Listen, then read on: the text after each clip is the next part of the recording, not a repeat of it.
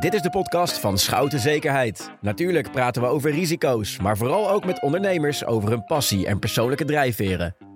Dit is Schouten met Stouten met presentator Jan-Dirk Stouten. Hartelijk welkom bij weer een podcast van Schouten Zekerheid. Deze keer met Mieke Dadema uit Apkoude, 44 jaar jong, van Soepel. En uh, Lela Kula is mijn, uh, ja, mijn tafeldame, laat ik het maar gewoon Ja, zeggen. je stellen. werkt bij Schouten Zekerheid. Mieke, jij bent van Soepel. Je wil de verzekeringsbranche veranderen. Wil je uitleggen hoe je dat doet en waarom je dat doet? Jazeker, ik eh, wil graag dat eh, verzekeringen makkelijker worden of duidelijk worden voor iedereen. Dat is eigenlijk waarom ik eh, nou, soepel begonnen ben. Ehm, want het is niet zo'n ingewikkeld product, alleen denken mensen dat vaak, omdat we het in mijn beleving zelf heel ingewikkeld maken. Je bent dat gaan doen door een persoonlijke ervaring met iemand die bij jou thuis aan de slag was. Ja, dat klopt. Vertel eens. Eh, mijn huisschilder die, eh, die was bezig in mijn huis. En die wilde maar niet dat ik hem even appte wanneer hij erin kon, eh, wanneer ik er wel was, wanneer ik er niet was. Ik moest bellen, maar ik had het heel druk. Dus op een gegeven moment dacht ik, ik app hem gewoon, wat een gezeur. En toen belde hij mij heel boos op. En toen kwam het hoge woord eruit. Hij zei, ja, maar ik kan niet lezen. Nou, daar was ik even stil van, want ik dacht, je hebt een eigen bedrijf. Je hebt een rijbewijs, je hebt een auto. Dus hoe, hè? hoezo kan je niet lezen? Nou, dat was eigenlijk het begin eh, van het hele plan. Hoe groot is dat probleem überhaupt in Nederland, dat mensen niet kunnen lezen of eh, schrijven? Heel, heel groot. Eh, er zijn, ehm, het is niet helemaal dat je het niet kan, maar dat je het heel ja, slecht kan. En er zijn meer dan 2 miljoen mensen die moeite hebben met lezen en schrijven of met digitale vaardigheden. En de groep waar ik me op richt, dat zijn ongeveer 700.000 mensen die gewoon werken. En toch eh, ja, onvoldoende vaardigheden hebben om eh, mee te kunnen in die eh, nou, letters en cijfers. Wist jij dat, Lela? Dat het zo groot was? Dit? Nee, nee, niet dat het zo groot was. Ik wist wel dat het bestond. Ehm, maar inderdaad, wat Mieke zegt, hè, dat eh, bij dit verhaal dacht ze, je hebt gewoon een, je hebt een eigen bedrijf, je hebt een rijbewijs. Dus het idee dat je hebt bij laaggeletterden, als we het even zo noemen, eh, dan denk je toch snel aan de onderkant van de samenleving. Eh, mensen die ook ja, ver tot de arbeidsmarkt staan. Mensen die je zelf misschien ook niet zo snel ziet in je, in je omgeving. En ja, wat ik uit het verhaal van Mieke begrijp, is dat het toch bij mensen waarvan je denkt, ja, waarom kan je eigenlijk niet lezen en schrijven? En dat heeft volgens mij dan het meeste impact gemaakt. Ja, als je een rode auto gaat kopen, zie je ineens heel veel rode auto's rijden. Is dat bij jou ook zo? Valt het bij jou meer op dan ooit Ja, dat mensen hier problemen mee hebben? Ja, ja. Als je het eenmaal eh, weet, dan eh, kom je ze ook overal tegen. En als je er open over praat en toegankelijk over praat, dan zijn mensen ook veel meer geneigd om er zelf ook iets over te gaan vertellen. En dat is heel bijzonder. Dat, eh, ja, tot een jaar geleden kende ik niemand die niet zo goed kon lezen en schrijven. En inmiddels eh, nou, zijn het er best veel. Terug naar die huisschilder. Had die concreet problemen met verzekeringen? Ja, hij is gewoon goed verzekerd. Hè? Dus hij heeft een tussenpersoon en hij heeft eh, al zijn verzekeringen op orde. Alleen wat hij vertelde eh, was dat hij geen gebruik maakt van de verzekering. Omdat hij dan wordt geconfronteerd met zijn eigen ja, moeite met lezen. Hij had een, eh, een schade met zijn auto. Hij had iemand eh, per ongeluk geschampt. En ja, de wederpartij zegt dan, hier is het schadeformulier. Nou, ik weet niet of je het wel eens gezien hebt. Ja. Dat zijn heel veel letters. Eh, en toen heeft hij gezegd, nou, eh, laten we maar gewoon naar de pin rijden. Dan pin ik wel ongeveer het schadebedrag en dan keer ik het je wel uit. En hij heeft dus nooit ehm, gebruik gemaakt van zijn recht. En hij heeft al heel veel moeite om het allemaal te regelen. Hè? Want het is echt wel een eh, fulltime baan om ervoor te zorgen dat je, als je niet zo goed kan lezen, dat je wel je leven op orde houdt. En dan vind ik het heel schrijnend dat je dan dus wel een verzekering hebt, maar dan ook nog eens daar zelf toch nog voor opdraait. En jij ziet dat en je hoort dat. En ermee aan de slag gaan is weer een paar stappen verder. Waarom wilde je dat heel graag? Ja, nou, ik heb mijn schilder gesproken. Toen was ik nog in loondienst. En eh, toen had ik helemaal geen tijd om hiermee bezig te eh, gaan. Eh, maar het bleef wel sudderen. En toen ik eenmaal mijn eigen bedrijf heb opgestart, toen had ik die tijd wel. En toen dacht ik, ja, weet je, ik kan, ik kan daar van alles intern van vinden. Maar laat ik dan toch ook eens wat gaan doen. Ik ben wel echt een doener. Eh, dus vorig jaar december ben ik maar eens gewoon gaan zitten achter mijn computer en heb een bedrijfsplan geschreven. Waar nu helemaal niets meer van klopt, overigens. Hè? Want nu heb ik de doelgroep eh, veel gesproken. Nou, dan moet alles weer op zijn kop.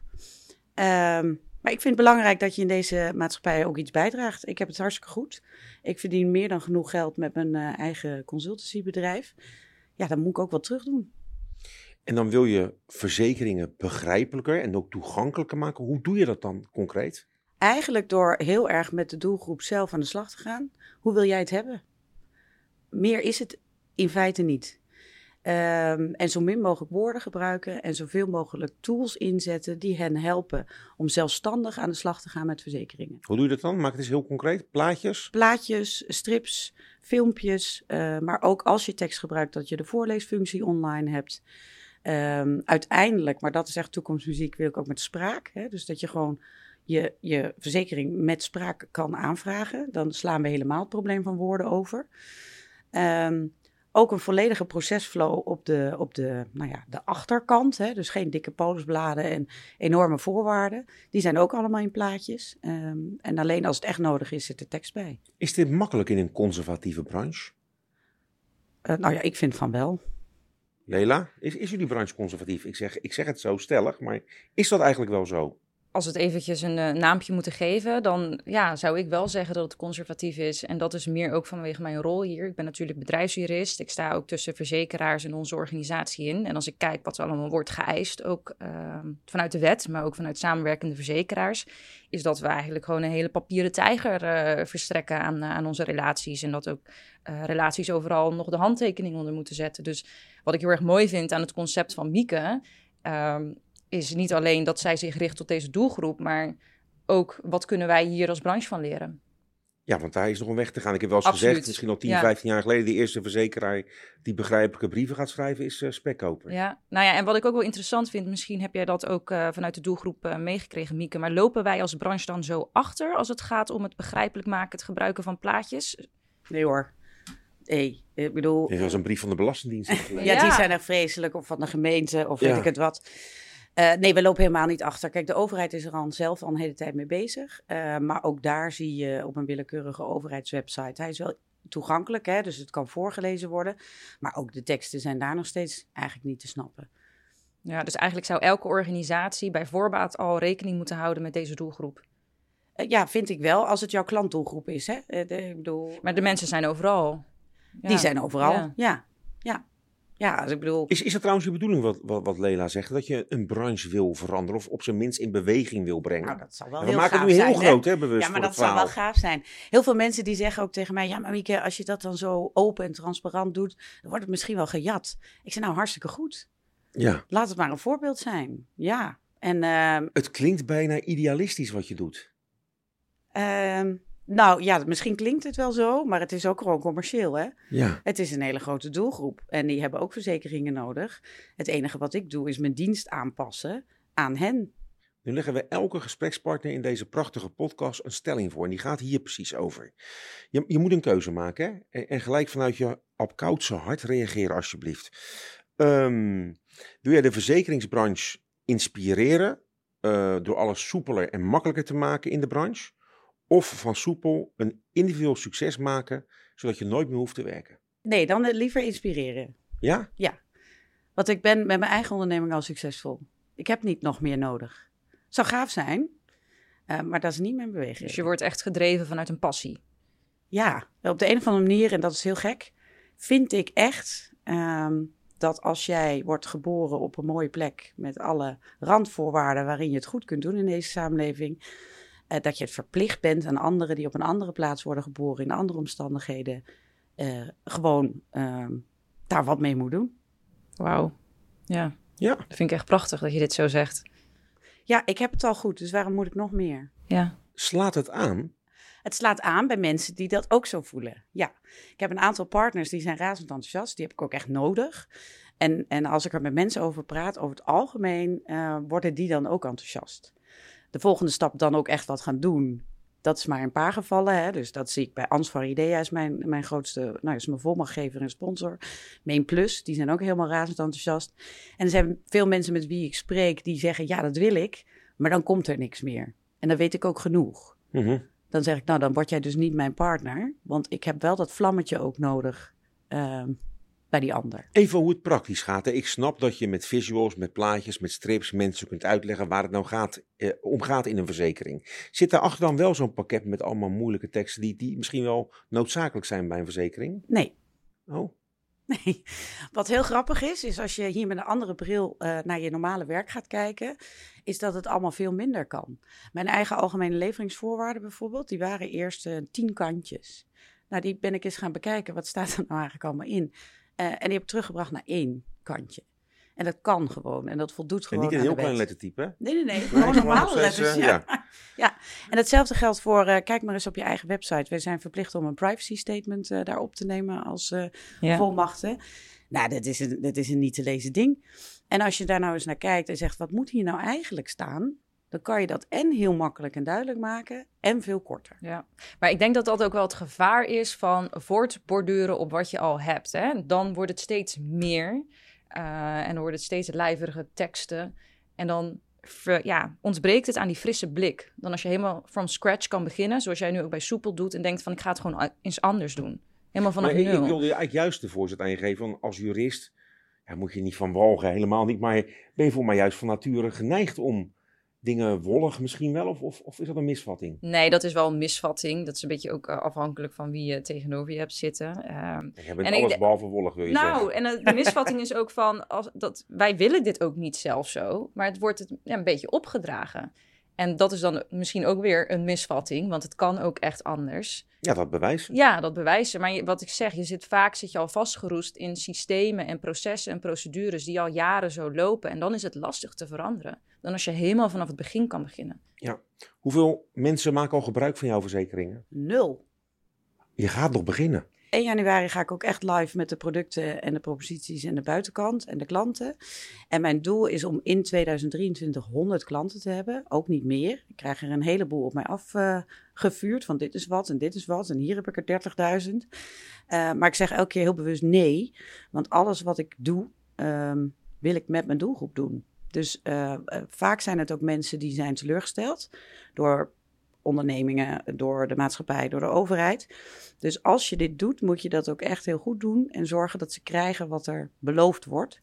En daar heb ik gewoon die rust voor nodig eh, en tijd Mhm. om echt die processen zo te maken dat die klant zich daar eh, nou ja, zelf in regie voelt staan. En dat hij, dat hij echt het idee heeft, nou, dit, dit hoort bij mij, dit past bij mij. En dan zei ik net, heb je al eens een brief van de Belastingdienst gelezen of van de gemeente? Zou je dit ook in andere branches kunnen of willen, op termijn? Ja, nou, niet helemaal. Waar ik mee ga Misschien kun je beginnen. volgend jaar de troonrede schrijven. Ja, nou, dat zou wel mooi Of zijn. herschrijven, Ja, ja. ja, als De de, koning- helft van de Nederlanders begreep niet wat daar gezegd werd, hè? Nee, nee. Enige maanden geleden. Mooie woorden, participeren en dat soort dingen. Het is allemaal veel te moeilijk. Ehm, ja, dit kan je dan ook prima op andere branches doen. Eh, wat ik wel ga doen is een dienst leveren waarbij mensen een foto kunnen maken van die ingewikkelde brief. Ehm, die sturen ze op en dan krijgen ze via WhatsApp een spraakbericht terug en met de kernboodschap van die brief. Eh, en dat is iets wat je natuurlijk eh, ja, overal en nergens kan inzetten. Wat is het grootste risico dat je ooit hebt genomen? Dit. Want? Nou, dit kost mij veel tijd en geld. En ehm, ik heb geen idee eh, of het wat gaat opleveren. Ehm, ja, is dat een risico? Ik, Voelt het zo voor jou? nee, zo voelt het helemaal niet, want het wordt een succes. Anders moet ik er niet aan beginnen. Maar dat is wel iets wat andere mensen tegen mij zeggen. En dan ga je dan toch over nadenken. Je denkt, oeh ja, oeh ja. Wordt dit een succes, Lela? Ja, dat denk ik wel. Ja, hier is enorm veel behoefte aan. En zoals ik al zeg, het, het kan de rest van de branche en ook verder dan de verzekeringsbranche alleen maar inspireren. Van het kan ook echt anders. Dit kan echt als een eye-opener werken. En ik hoop ook echt dat dat gaat gebeuren. Hoe groot kan dit worden? Nou, eh, als ik eh, stel een conversieratio van eh 5 tot 10 procent van die 700.000 mensen heb, dan eh, is dat al vrij gigantisch. Ja. Toch een beetje zakelijk. Dat mag trouwens. hè? Zeker, maar dit is, hè, dat zeg ik ook tegen iedereen. Zegt, ben je een stichting? Zeg, nee, ik ben gewoon een BV. Je gaat gewoon winst maken. Ja, tuurlijk. Weet je? En iedereen in de keten moet er gewoon een goede boterham aan verdienen. En die klanten krijgen gewoon een uitstekende dienst. Het is niet, in die zin niet anders dan een normaal bedrijf. Ehm, Maar wel de ontstaansgeschiedenis is anders. die is anders. Je zag een probleem en je wilde iets aan doen. Ja, En je zag ook een commerciële kans. en ik zag een commerciële kans. Ja. Mooi. Werk je al met Schouten samen voor dit project? Nee. Zou, welke rol zou Schouten kunnen spelen? Nou, daar moeten Lela en ik het dan maar eens even over hebben. Nou, maak maar een beginnetje. Nou, ik zoek altijd sponsoren, hè? want financiering is echt een, eh, is een probleem. Eh, de bank die kijkt me aan alsof ik gek ben. Eh, maar ook expertise. Eh Ansvar helpt me daar nu heel erg bij. Hè? Dus als ik een actuaris nodig heb, dan leveren ze die. Ja. Eh, maar dat zijn ook wel dingen die Schouten zou kunnen faciliteren. Die hebben natuurlijk een... Ja, je moet zoveel mogelijk gebruik maken van de kennis van mensen die je zelf eh, niet of onvoldoende eh, hebt. Zoals wij dus wel eh, relaties in de portefeuille hebben die wel onder die doelgroep vallen. En wij ze dus eigenlijk niet kunnen bedienen zoals dat voor die mensen nodig is. Nou ja, dan, dan zou je natuurlijk ja, kunnen overeenkomen dat ze dan door eh, soepel worden bediend. Verder nog wat te zeggen? Nee, dankjewel. Leuk om Ja, te jij zijn geweest. bedankt. Helemaal vanuit Apkoude. Jij vanuit Capelle. Ja, En ik vanuit Ridderkerk. Dit was de podcast van Schouten Zekerheid. Tot de volgende keer. Bedankt voor het luisteren. Graag tot de volgende Schouten met Stouten.